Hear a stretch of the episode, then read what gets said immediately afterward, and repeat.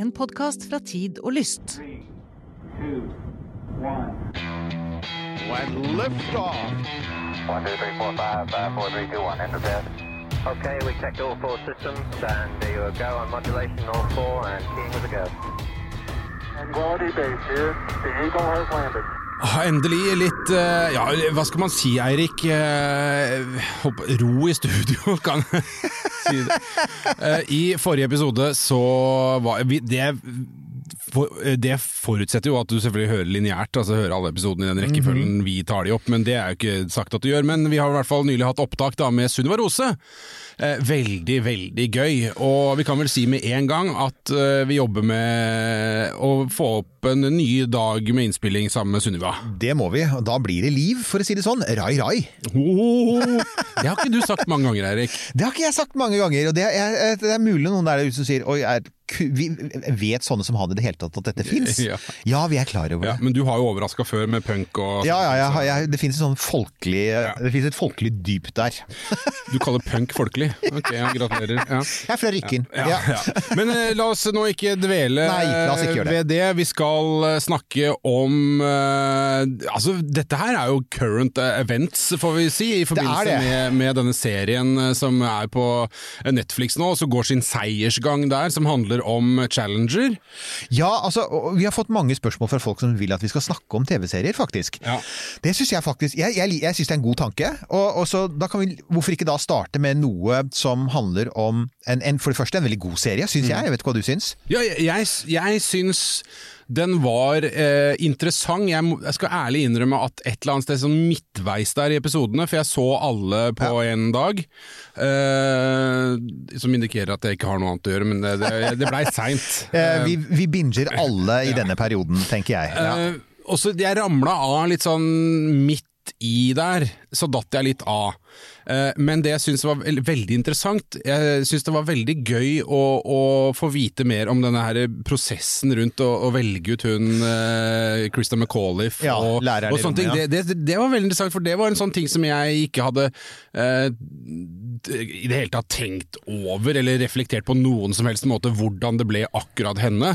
Ja, sant? uh, så det var interessant. For, for de som eventuelt da ikke har sett den, eller ikke har Netflix, så kan jeg si at poenget er at man i løpet av er vel fire episoder, så forteller man ikke bare historien om hvorfor Challenger eksploderte i, i januar 1986.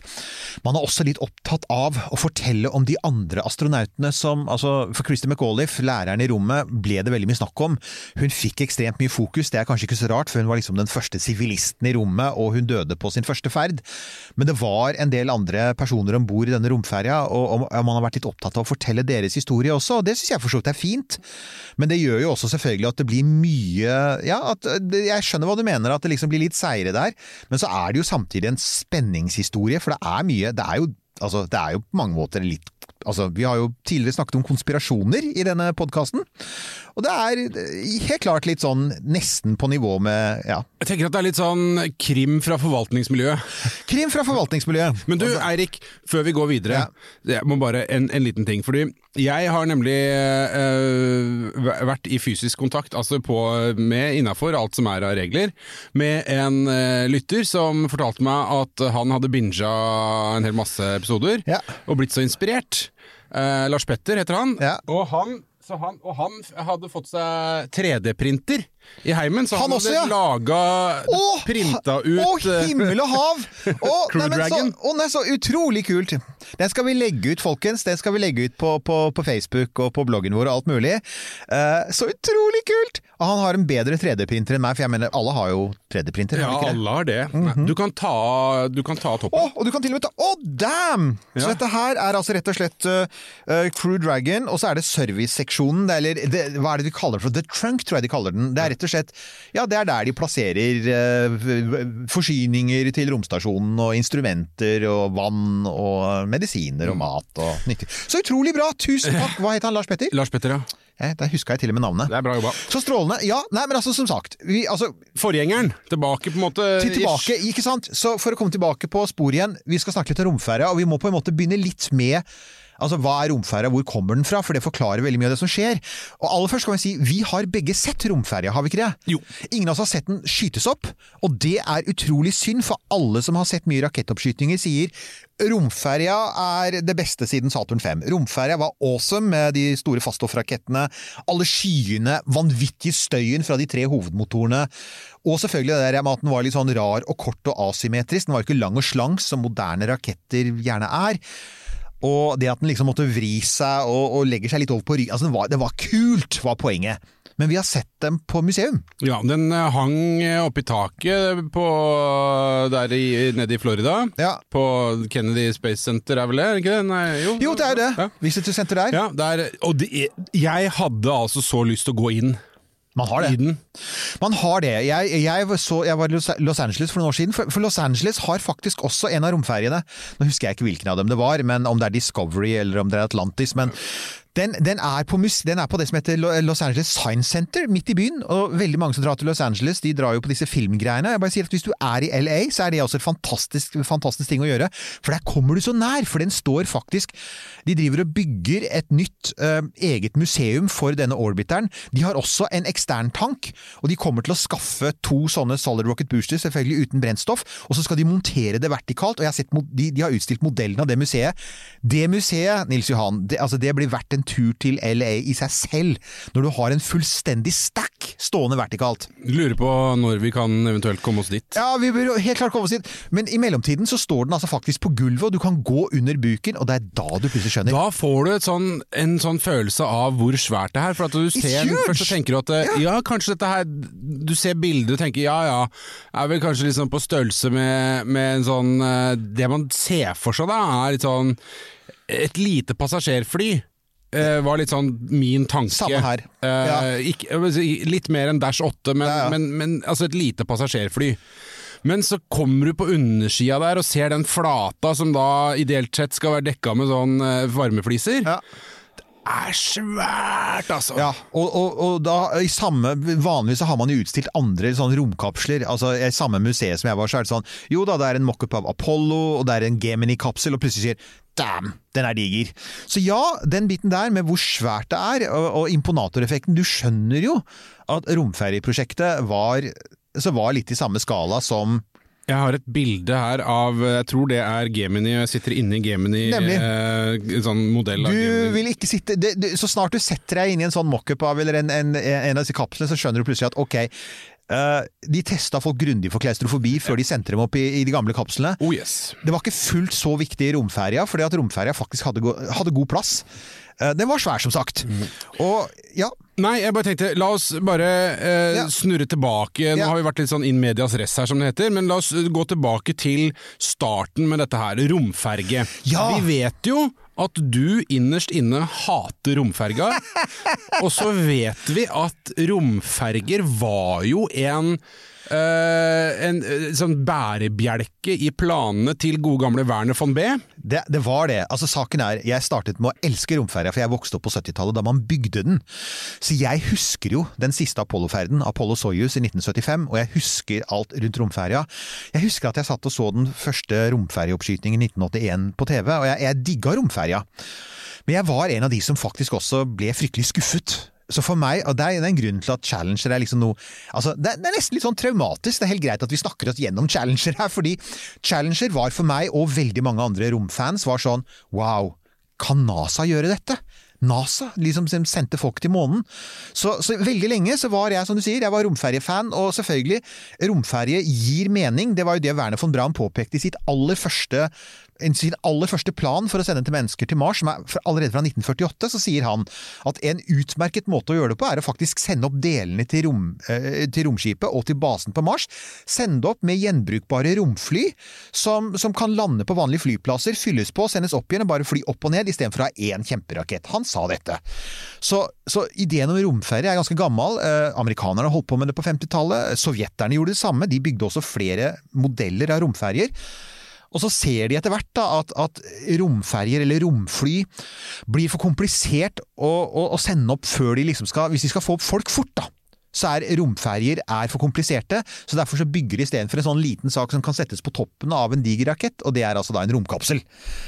Men de slipper ikke tak i det, og når Apollo-prosjektet går mot slutten og NASA skal finne ut hva de skal gjøre, så kommer de tilbake til presidenten, som er da Nixon, og sier hør her. Vi har noe, vi har en idé. La oss bare droppe, for dere gjør, la oss droppe Apollo. Hive den gamle teknologien. Begynne fra scratch.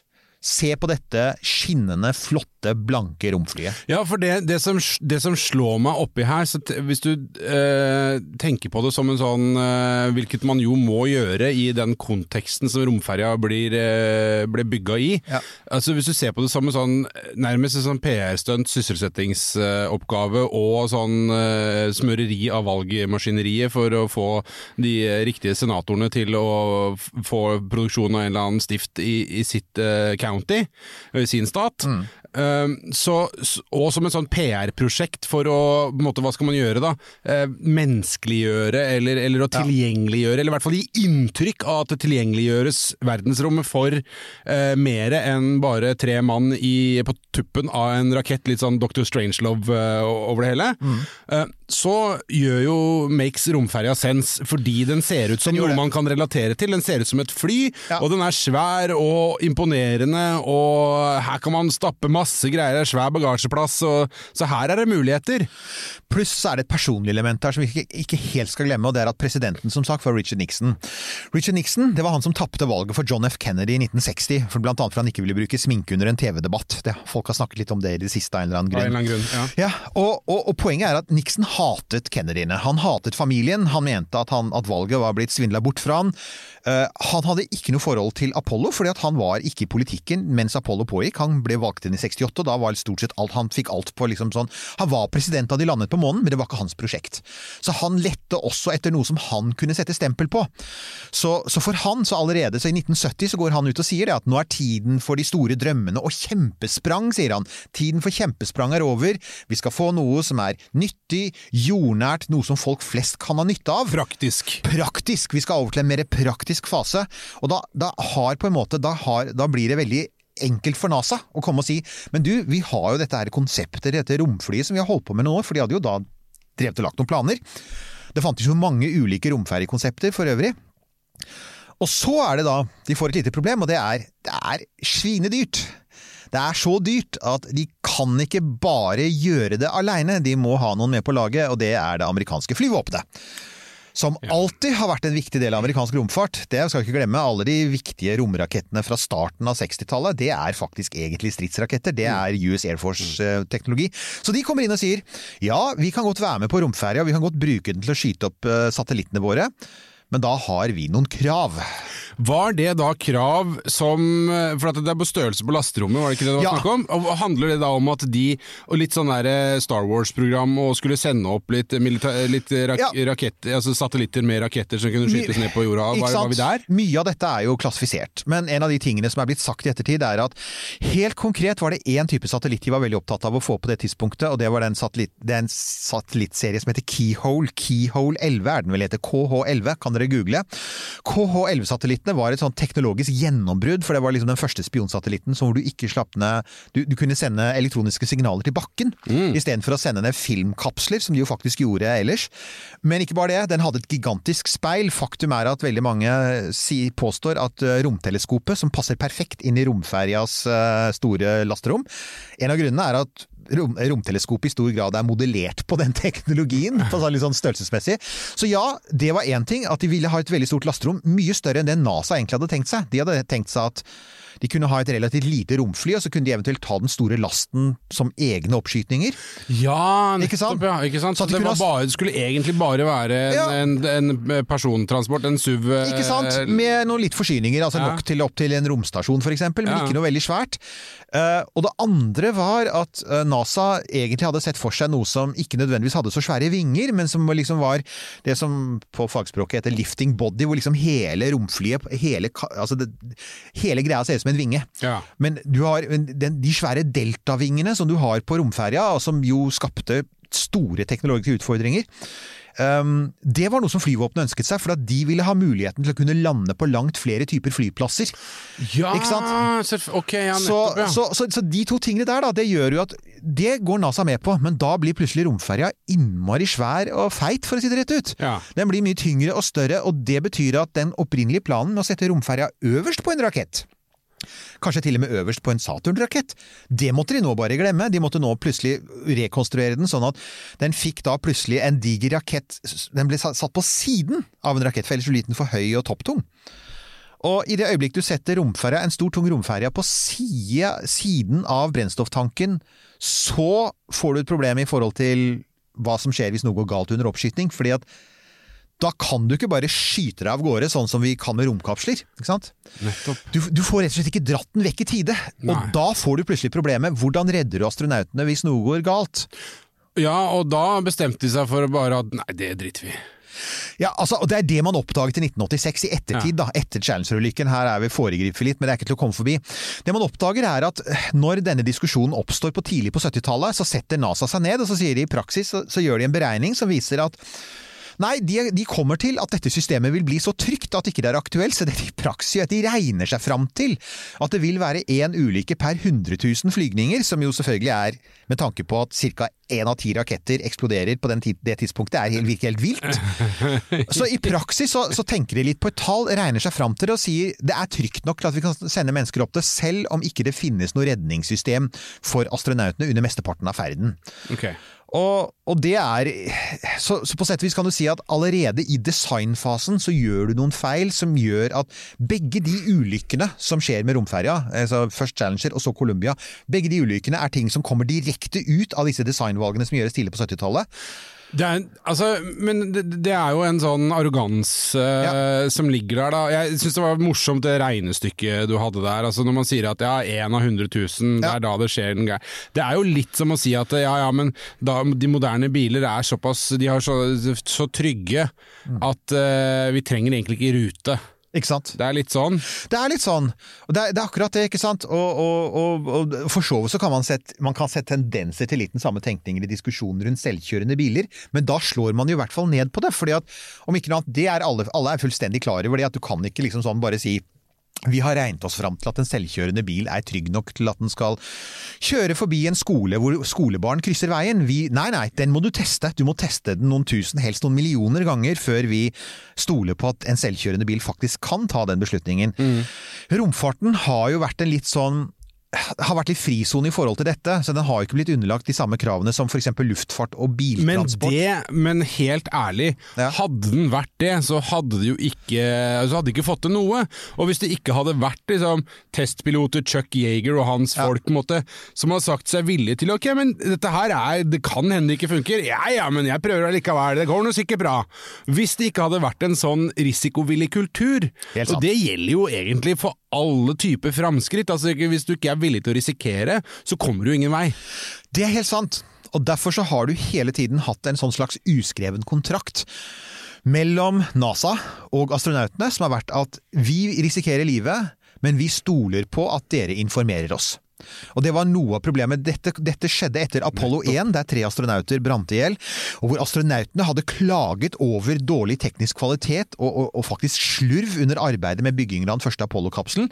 Og NASA går i seg selv og sier vet du hva, dere har rett, vi skal skjerpe oss, og ikke minst, dere skal være med på laget fra nå av. Og det er en av de tingene som skjer under Apollo-programmet, er at astronautene, det er faktisk flere astronauter som dør under byggingen av selve eh, Apollo, fordi at de er, de er ute og flyr i fly hele tiden for å komme til de stedene hvor det bygges. Fordi de vil ha liksom sånn De skal være der, de skal være til stede og, og, og se at det skjer, og de skal motivere arbeiderne, og de skal ha, de skal ha en følelse at de er en del av den prosessen. Det sa vel han eh, ene fyren i den eh, Netflix-dokumentaren. Ja. Han sa jo det at han reiste jo rundt Nemlig. eh, til de forskjellige stedene hvor deler ble bygget, og sa det at det dere gjør her nå, er, det er for å holde meg i live. Ikke sant? Og det dere nå hører nå, kjære lyttere, er at egentlig så er vi langsomt i ferd med å få en diskusjon om sikkerhetskultur, men det er egentlig det det koker ned til, da, som er at NASA rundt 1970, så selv om Apollo er risikabelt, så her har NASA helt klart fått en bedre sikkerhetskultur fordi at vi får Apollo 13.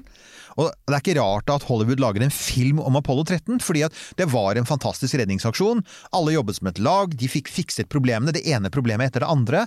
Og ikke minst, det var litt sånn redundans i systemet. De hadde litt backup-systemer, og de hadde flinke folk på bakken som, som, som skjønte risikoene, og de hadde astronautene der oppe som også var klar over risikoen. Og det er jo det mange lurte på, var det er liksom sånn Hva er det som skjer med NASA, da? Hvordan går NASA fra å være der, at de faktisk kan redde folk på vei til månen, til å bli den organisasjonen som begynner å tenke på et tall og si vi sender opp, når vi sender opp den første romferja i, i 1981 med John Young og Bob Crippen som, som prøveastronauter, ikke sant? Ja, det er første gang romferja flyr, det.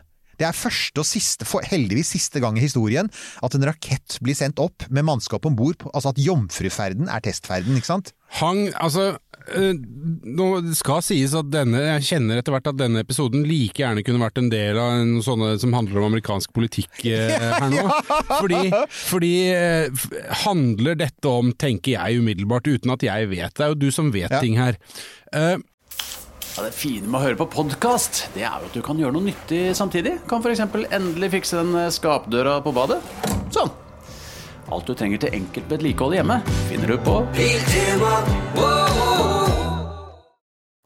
at det er én ting, man må tenke på den globale politiske situasjonen dette her skjedde i. 80-tallet, kald krig, russerne osv.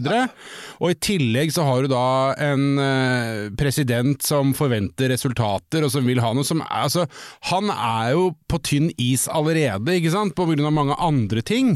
Eh, og så må han da ha et, eh, et sånt eh, prestisjeprosjekt, et, et samlende prosjekt for hele folket, og vise at se her, dette får vi til. Vi er der, er vi ikke det? Vi er helt klart der også. Og dette er noe med, altså, NASA hadde jo delvis selv satt seg i den situasjonen ved at de faktisk hadde droppet sin egen Altså, de hadde, jo, de hadde jo eh, i praksis hivd bort Apollo-teknologien og sagt opp alle de ansatte som kunne bygge raketter, og begynt fra scratch med romferja. Og du har helt rett. altså like før romferja skytes opp, så skjer det jo faktisk altså, På det tidspunktet har russerne på en måte kommet seg etter tapet til månen. Sovjeterne skyter opp den ene romstasjonen etter den andre. De har begynt med noe, et program som de kaller Interkosmos. hvor De, de sender opp kosmonauter fra alle slags land. Øst-Tyskland, Vietnam, Cuba. De, har faktisk et, de er i gang med romstasjoner. Samtidig faller amerikanernes romstasjon, um, Skylab, den faller ned i sjøen, for de greier ikke å redde den i tide.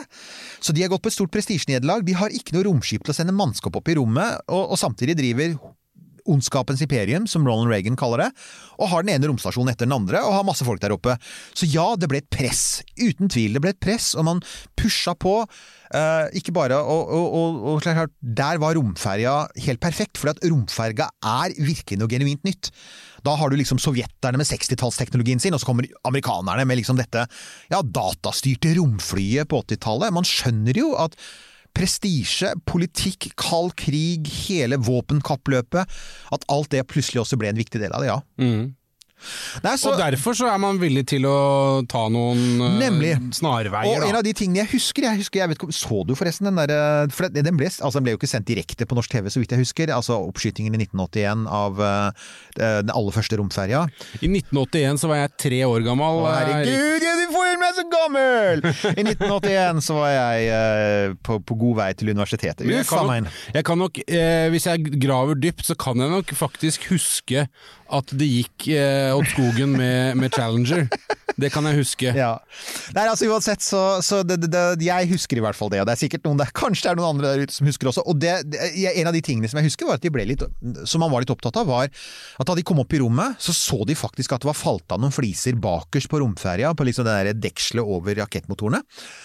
Og da husker jeg at det faktisk var litt snakk om kunne dette påvirket flisene på undersiden, for det var jo da Nå er vi i 1981, folkens. Den første ja, flighten. Første flighten, romferja. og her er jo poenget. Romferja gjorde masse revolusjonerende. En ting som den gjorde, altså det var det første romflyet som fungerte, det var veldig svært, og så gjorde det en, Tanken bak romferja var at den skulle være gjenbrukbar. Den skulle faktisk fungere som et fly. Den ble solgt inn til amerikanerne som det på 70-tallet, så hadde du faktisk konsepttegninger av romferja med sånn hvor hele den svære, svære lasterommet var fullt med flyseter. De hadde, de hadde sånn ideer om å sende opp sånn 70-80 mennesker i slengen til svære romstasjoner. Det skulle gå i hvert fall en romferge i uka. Du trengte bare tre-fire stykker for at du skulle gjenbruke dem hele tiden. Og en, noe av nøkkelen til det var flisene som sitter under romferja, fordi at i motsetning til varmeskjoldet på Apollo som faktisk brenner opp. Det gjør det også på Crew Dragon og på Starliner. Det er sånn varmeskjold som brenner opp for hver gang du kommer ned i atmosfæren. Så det, betyr at du må, bygge, du må bygge et nytt varmeskjold. Romferjas varmeskjold, det skulle bare det, skulle, altså det tålte å komme inn i atmosfæren uten å brenne opp.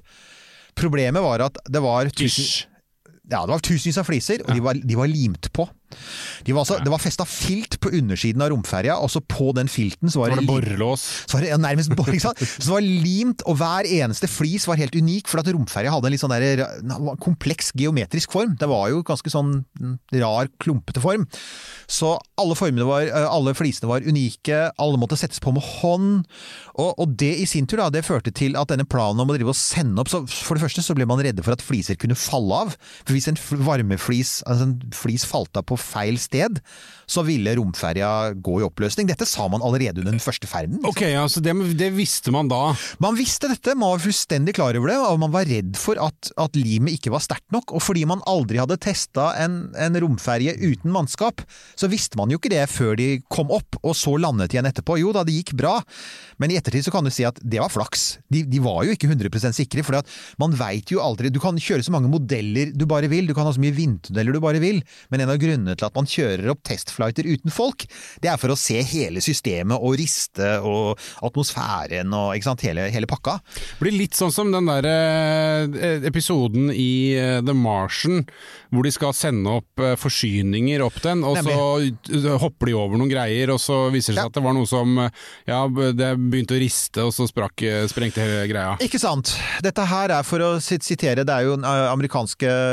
Nå nå er vi langt inne i amerikansk politikk her, men det finnes en uh, Forsvarsministeren til George Bush i 2003 så sa han noe sånt når han snakket om, om krigen i Irak. Så snakket han om, om the unknown unknowns. Han snakket om de ukjente tingene som vi rett og slett ikke visste om. Det finnes noen sånne ukjente faktorer som vi vet om. For eksempel, kan flisene falle av? Det var sånn, det var en ukjent faktor som vi visste om. Men han sier det farligste det er de ukjente tingene du bare rett og slett ikke vet om før det treffer deg.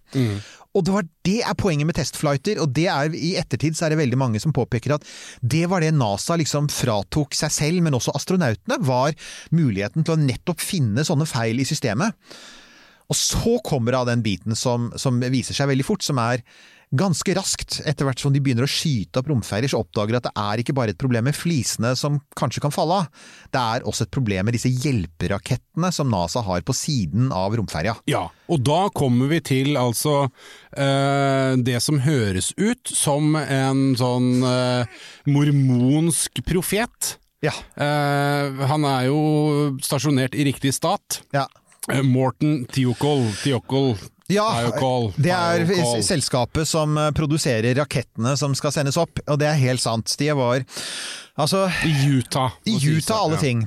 Og det er jo mange som har påpekt at, altså at Du snakket jo om at det var mye politikk i det, det er det. NASA sprer produksjonen av, uh, av sine store prosjekter over hele USA for å sikre seg at kongressrepresentanter og senatorer over hele USA støtter dem. De har alltid vært der. Eh, Romferjeprosjektet tror jeg involverte noe sånt som 20 000 små og store bedrifter som leverte deler til prosjektet. Noe av problemet ved å velge å ha en bedrift i Utah som skulle produsere disse enorme eh, rakettene, som hjelperakettene, er de er så svære at du kunne, ikke, du kunne ikke fly dem, du kunne ikke transportere dem på landeveien, og du kunne ikke kjøre dem på tog.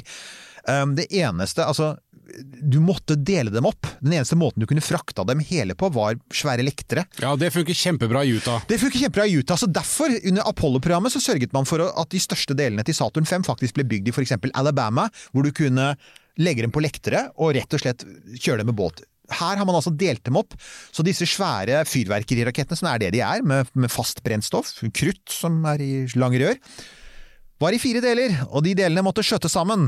Og de delene, og det var man jo opptatt av, tenkte liksom sånn, men vent nå litt.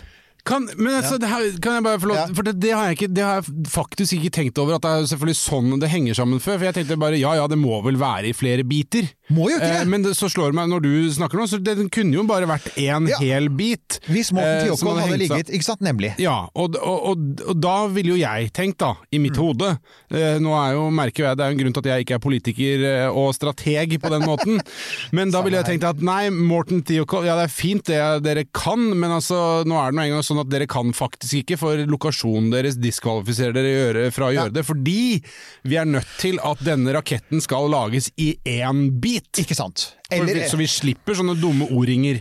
ikke sant? Eller subsidiært, kan dere lage en, dere lage en satellittfabrikk? Dere er de beste på faststoffraketter, men kan dere Ja. bygge en satellittfabrikk f.eks. i Texas, hvor vi kan ha svære lektere, og så kan du liksom komme inn, ikke sant? Og så For eksempel. I Galveston, Texas, som er nede ved sjøen, kan du ikke gjøre det.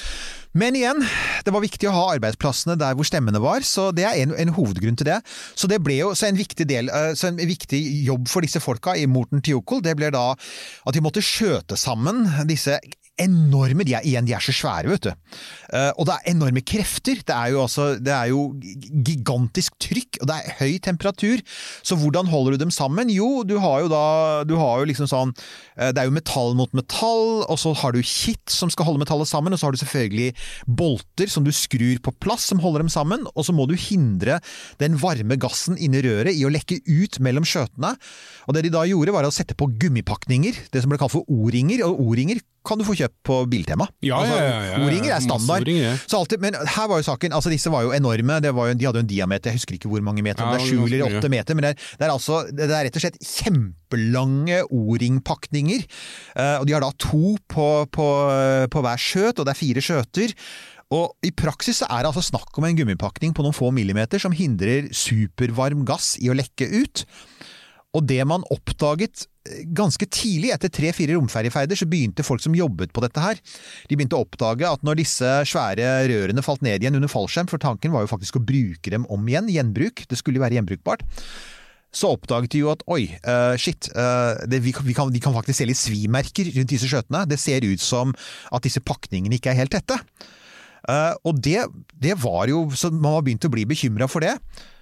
Og der kommer da liksom en av de første virkelig alvorlige tingene som Ja, og, ja, for, og dette her er, tar man jo nøye opp i den serien. Ja. Uh, at uh, det her, også, alt spiller fram og tilbake.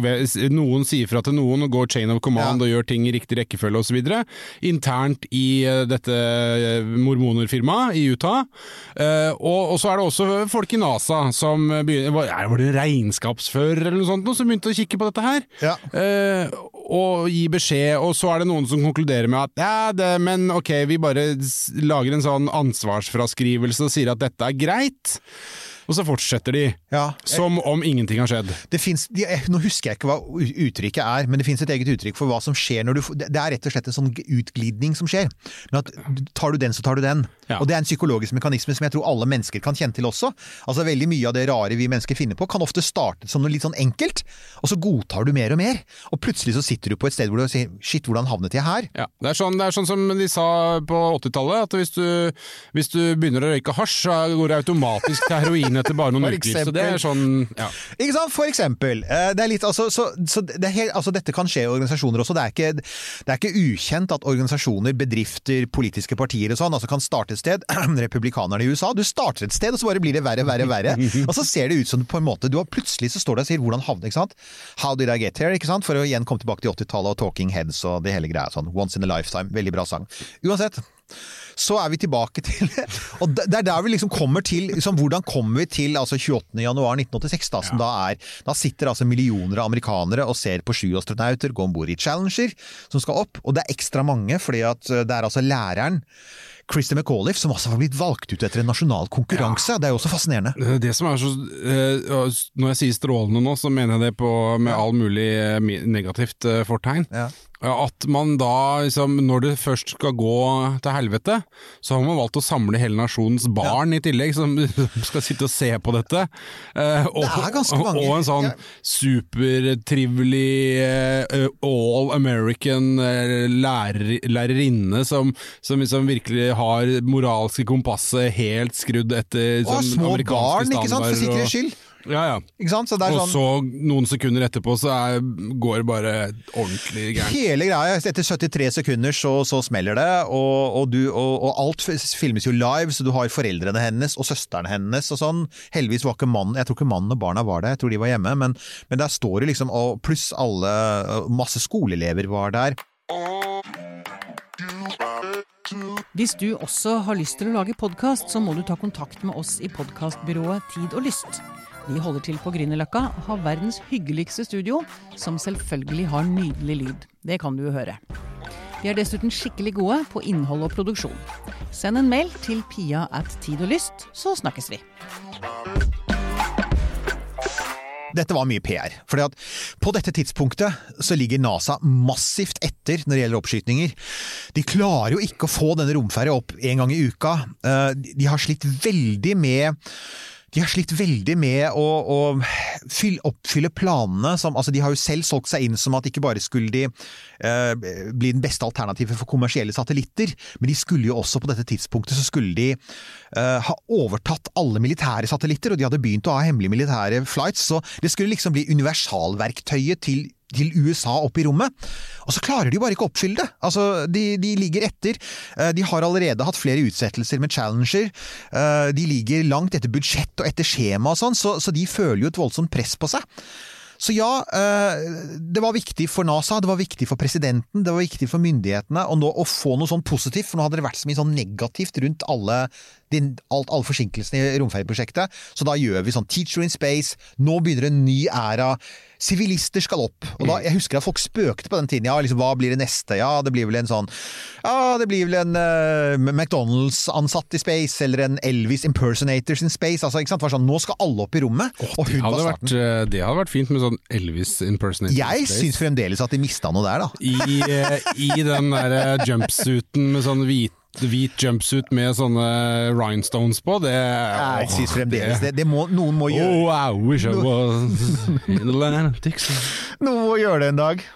Og så, og så smeller det, da. Ja. Og så smeller det. Og Ja, det, man skjønner jo at det ligger mye press eh, bak her for å liksom eh, hoppe gjennom uh, cut the loops uh, og, Ja. og liksom ta noen snarveier, og det er ikke så nøye. Vi kjører på. Ja, det var litt kaldt. uh, kulde og gummi er ikke nødvendigvis alltid en sånn kjempefordel.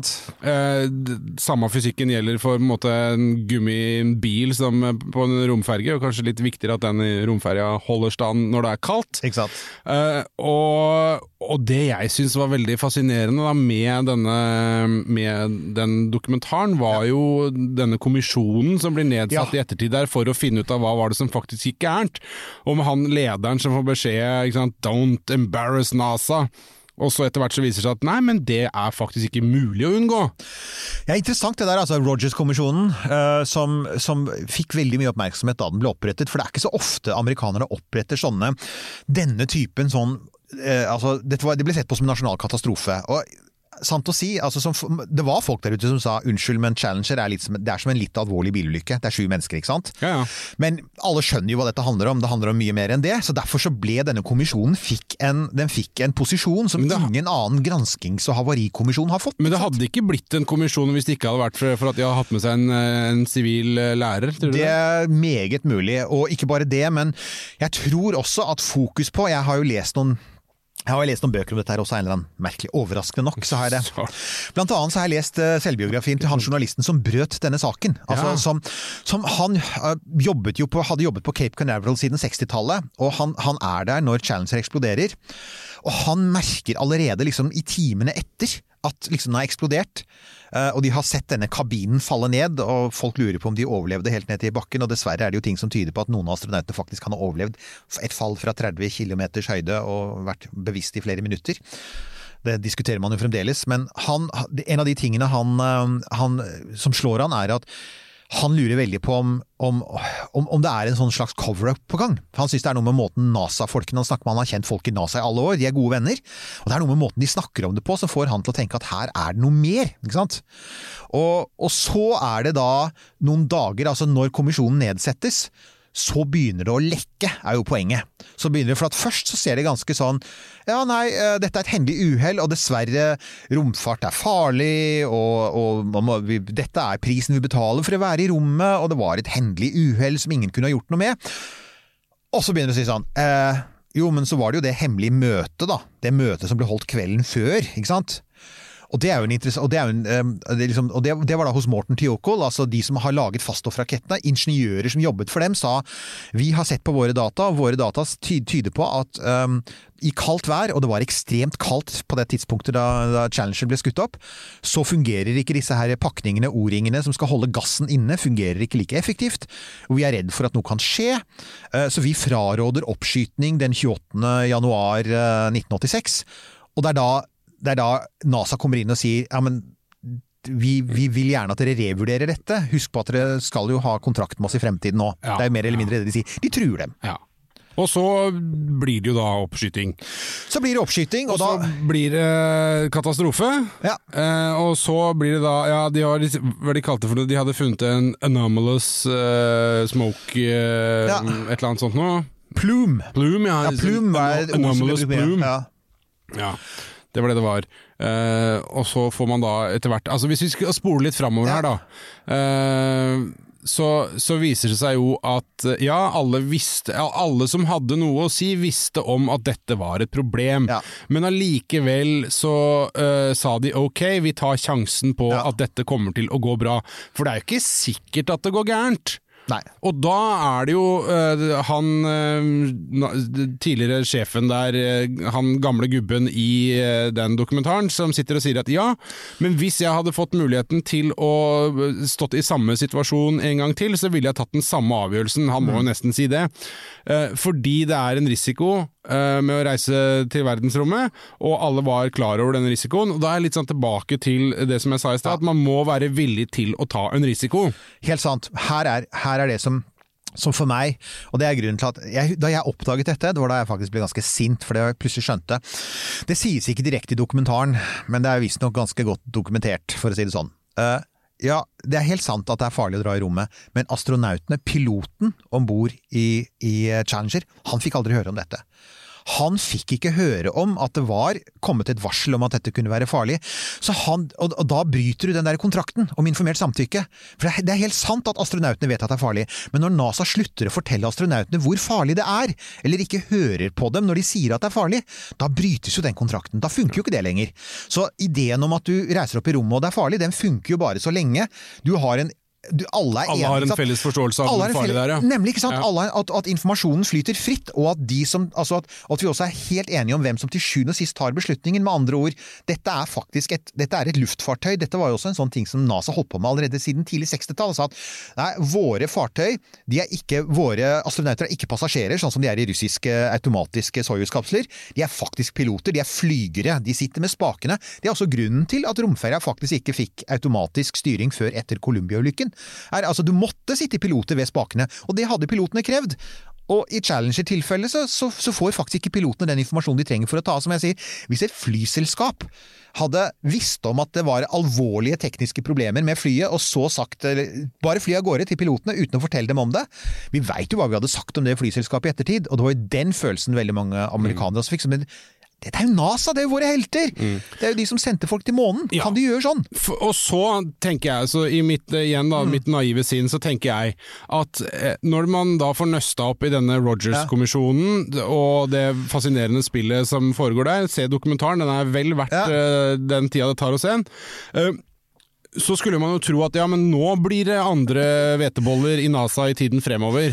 Ja, Men så viser det seg jo at uh, det ikke er tilfellet. Ja, ja, altså det de gjør er at de fikser jo problemet med denne O-ringen. Jo, jo. Ikke sant? De setter på en tredje O-ring, og så, så, så det rullet et par hoder. Altså de, to av de som er intervjuet i denne serien, de, de, de, de ble overflyttet. De mistet jo ikke jobben, og de ble jo aldri dømt eller noe sånt, men de, de fikk en lavere, eller ja, de fikk en litt annen litt Fikk en annen jobb. Fikk en annen jobb Ble i NASA-systemet. Ja, ble sparka oppover.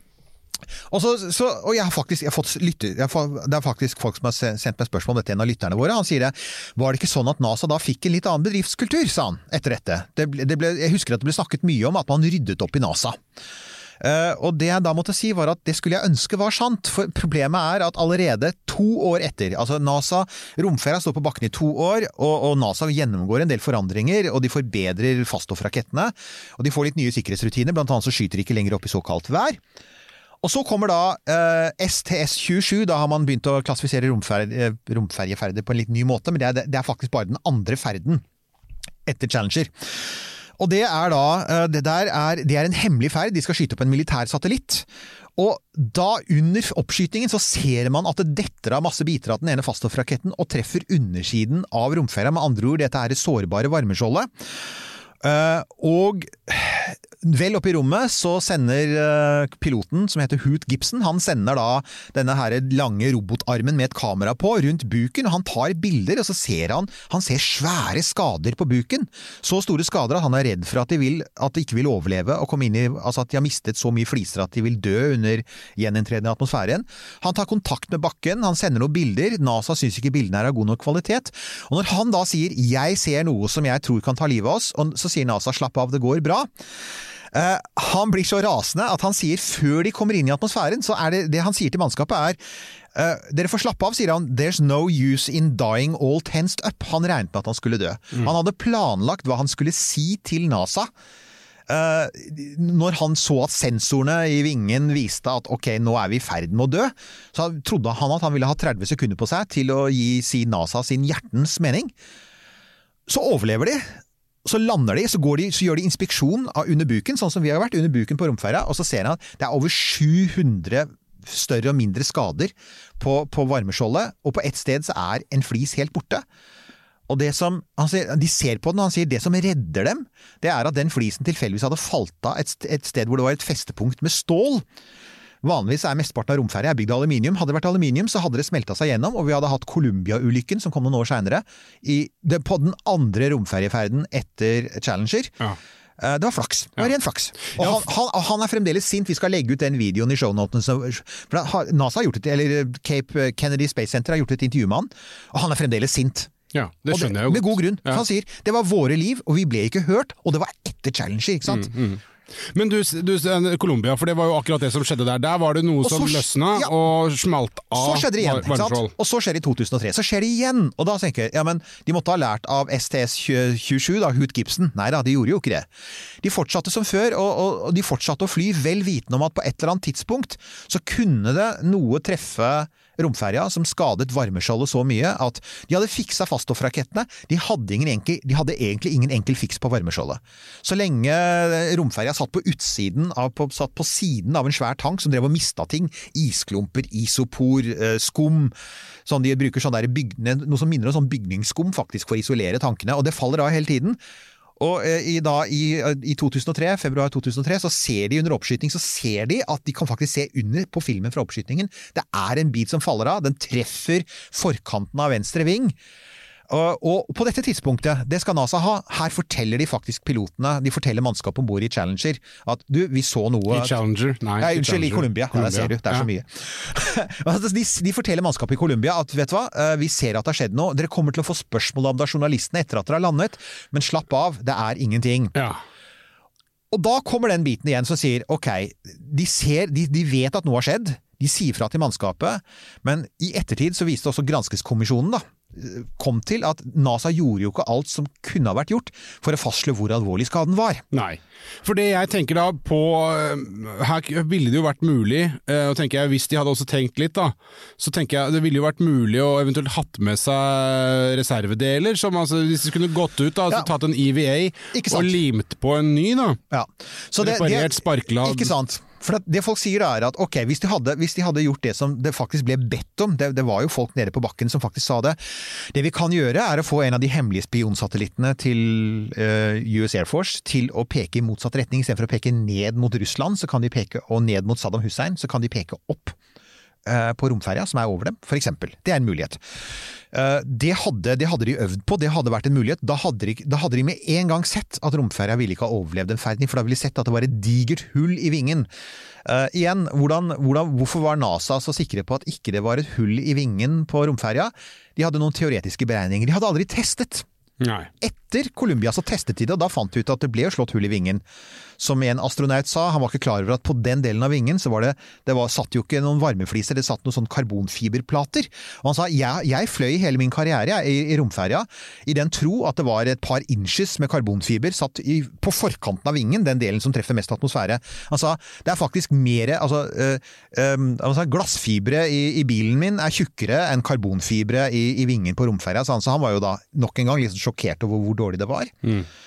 Så nei, de gjorde jo ikke det som kunne vært gjort. Men nå tenker jeg sånn Ja. uh, altså, Hvis jeg etter hvert skal begynne å konkludere og oppsummere litt her, Ja. så tenker jeg sånn at det er jo ikke eh, romferja i seg sjøl som det er Nemlig. noe gærent med. Det er jo måten den har blitt både konstruert og administrert på La som er problemet. Ikke sant. Det er, det, vi, det, er, det er innmari viktig at du sier det. For der har, Werner von Braun hadde helt rett. Romferie er faktisk en god idé.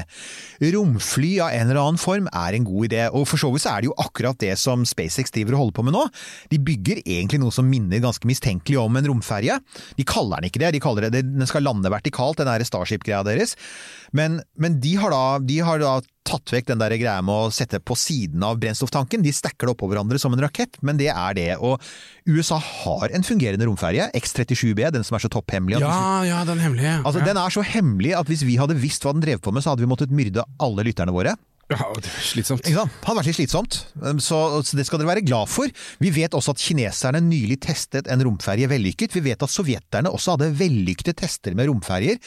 Romferjer funker, det er en god tanke, og, på et eller annet tidspunkt så tror jeg jo at noen kan komme til å ta det opp igjen, altså enten det blir SpaceX eller noen andre, så blir det tatt opp igjen. Så, det, så på en måte syns jeg det, det så, så ja, hvis dere syns at jeg har vært i rant-modus, så har jeg det, men det er også litt for at jeg er skuffet over en veldig elegant og fornuftig teknisk idé som ble sabotert og i den grad at NASA til slutt ga fra seg Altså, de måtte jo gi opp å drive med romskip. Det er jo grunnen til at vi er der vi er i dag. Ja. Vi er tilbake på romkapsler igjen, vi. Ja. Og, og det, altså så langt, så, altså Soyuz romkapsel har fungert Ja. eh, ganske greit i alle år. Eh, det viser seg jo nå også at eh, Crew Dragon eh, funker kjempebra, og det, det romkapselkonseptet funker bra. Og så har de jo da ikke sant, eh, denne Spaceship, som, som kan jo nesten kalles en kjempelang eh, romkapsel, om du vil. Eller du kan kalle det noe som ligner på en romferge. Ja, ikke sant, Det er et rom- vinger og sånn. romskip av Ja, et eller annet de kaller det klaffer, men vi er jo syns det ser ut som vinger. Og her er da uh, my two cents uh, Ja. denne gangen. Ehm, nå har vi oppsummert mange år eh, med NASA. Ja. som består av eh, en eh, dårlig sikkerhetskultur, Ja. som igjen kommer fra politisk press Mm. eh, på grunn av eh, prestisje for politikere som egentlig ikke har noe forståelse eller eh, virker som heller respekt for ingeniørkunsten som ligger til grunn, eller Mm. burde ligge til grunn for bygging av fartøy som skal ferdes i verdensrommet, til verdensrommet. Ja. Eh, og eh, et press, eh, et sånt eh, publisistisk press, eller et eh, PR-press, eh, for å sørge for fortsatt oppslutning i befolkningen, for at politikerne skal kunne rettferdiggjøre eh, pengebruken. Da tenker jeg, eh, brannfakkel, eh, har ikke på grunn av alle disse tinga eh, en romfartsorganisasjon statlig eh, styrt romfartsorganisasjon dermed diskvalifisert seg sjøl. Burde man ikke da bare overlate alt dette til rike folk som SpaceX, og vi har ikke nevnt navnet hans ennå, Elon Musk, Ja. eh, som ikke er styrt av de samme tinga, og som dermed kan gjøre de korrekte eh, ingeniørmessige og tekniske tinga og prosessene som må til for å få dette fungere på en trygg, eller så trygg som mulig måte. Jeg tror, altså, du er jo inne på noe, for Vi har et helt konkret eksempel på det. Det er jo ikke egentlig Elon Musk, det er faktisk Richard Branson, Virgin Galactic. Som ikke vi har snakket så mye om her, for det er ikke blitt så mye av. Altså, han hadde jo planer om å starte romturisme med små rakettfly. Egentlig små romferjer, men de kommer jo ikke helt opp i bane. Men det ser ut som små romferjer, ikke sant? Eh, rakettfly høyt opp i atmosfæren. Det har ikke skjedd noe. Det er ikke fordi de ikke har prøvd, det er fordi de har hatt to alvorlige ulykker. og Richard Branson har sagt det, han sa vi skyter ikke opp noen eh, før vi er 100% sikre på at dette går bra. For at vi er ikke, vi, i vår, altså, vår business handler ikke om å drepe kundene våre, sier han. Ja. Som faktisk er et helt greit altså Fordi han er kommersiell, så veit han at hvis du har en dødsulykke tidlig i eh, Virgin Galactics eh, kommersielle drift, så, så er forretningsmodellen ødelagt. Så, så ja, altså på sett og vis så tenker jeg, om ikke noe annet, så tenker jeg i hvert fall at det er helt greit at vi nå får et, et ikke-statlig tilskudd. Eh, Jeg veit jo for eksempel Elon Musk har vært veldig tydelig på at dette Starship som en dag skal frakte mennesker, han sier de har tenkt å fly den hundrevis av ganger ubemannet før de plasserer mennesker på det. De vil være veldig, veldig, veldig trygge, og det er egentlig et lite stikk til NASA, som sendte opp mennesker på den aller, aller første raketten uten egentlig å vite åssen det ville gå. Så må jeg si en ting til slutt her, da, og det er altså ja, folkens, for at jeg vet det kommer til å skje. Var, altså, Romferja gjorde mye fantastisk, det er ikke det. Det var, altså, var vel 135 ferder som var vellykkede, og så var det to som endte med døden. Uh, og, og, og rom, altså, det ble gjort utrolig mye spennende. Var, de, altså, man gjorde store fremskritt innenfor romforskning. Uh, man reparerte romteleskopet. Det er noe av det viktigste romferja gjorde, var at det viste at det var mulig å reparere ting i rommet. Um, så, så, ja, det er ikke noe tvil om det. Altså Romferja og, og ga oss fantastisk masse flotte øyeblikk i rommet. Noen av de fineste bildene fra rommet! Det er jo det fantastiske romflyet, herregud. Det var jo, så, det var jo vakkert! Altså, det var jo sånn sett, uten tvil.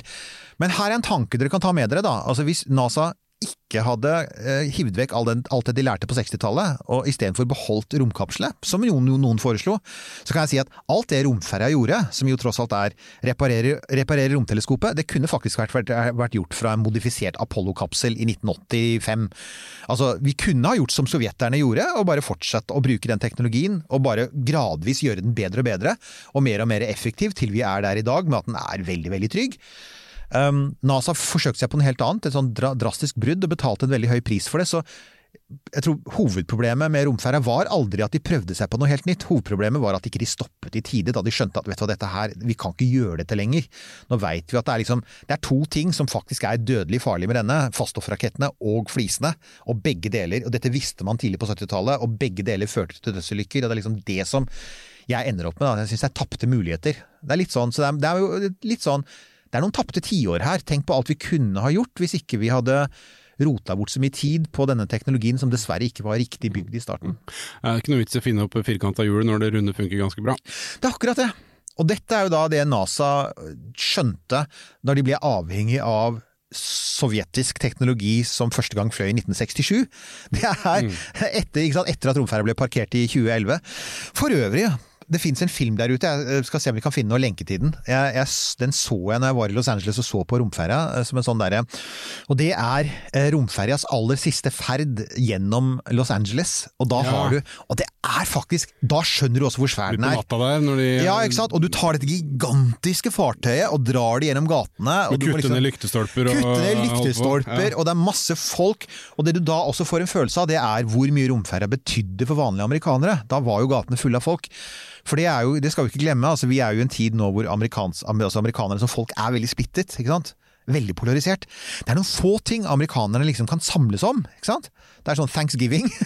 og så er det militæret, der de fleste amerikanere liksom støtter sånn thank you for serving og sånn. Og så er det NASA. Ja. NASA har fram til denne dag vært noe som meningsmålinger også viser at demokrat, republikaner, amerikanerne støtter NASA.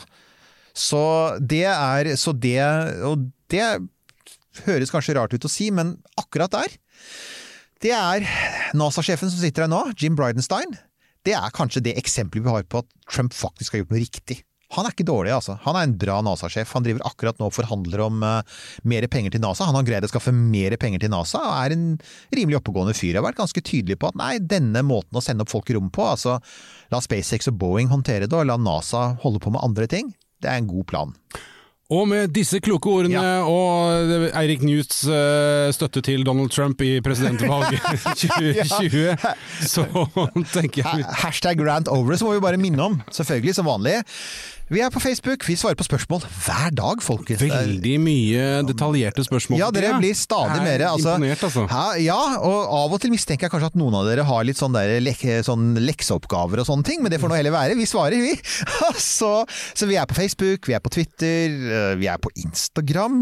Gå inn, jeg skal ta bilde, legge ut uh, Altså Når jeg sier med en gang, så har jo det da skjedd, fordi dette er jo et opptak som blir sett Ja, så Ja. ble det plutselig en KLM-sketsj.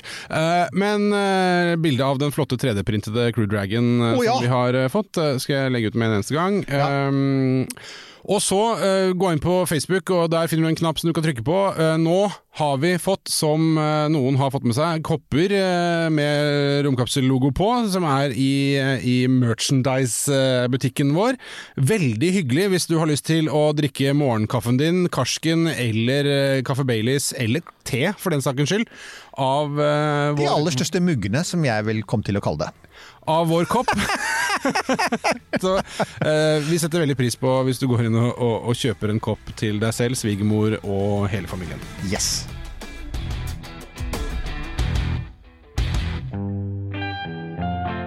Denne Podkasten er produsert av Tid og Lyst. Vi i Rema 1000 kutter igjen prisene, nå på en mengde påskefavoritter. Du får f.eks. minst 25% priskutt på appelsiner i løsvekt, familiepakning med vaffelmiks fra Toro, 10-pakk Rigi kakao fra Freia og andre påskefavoritter.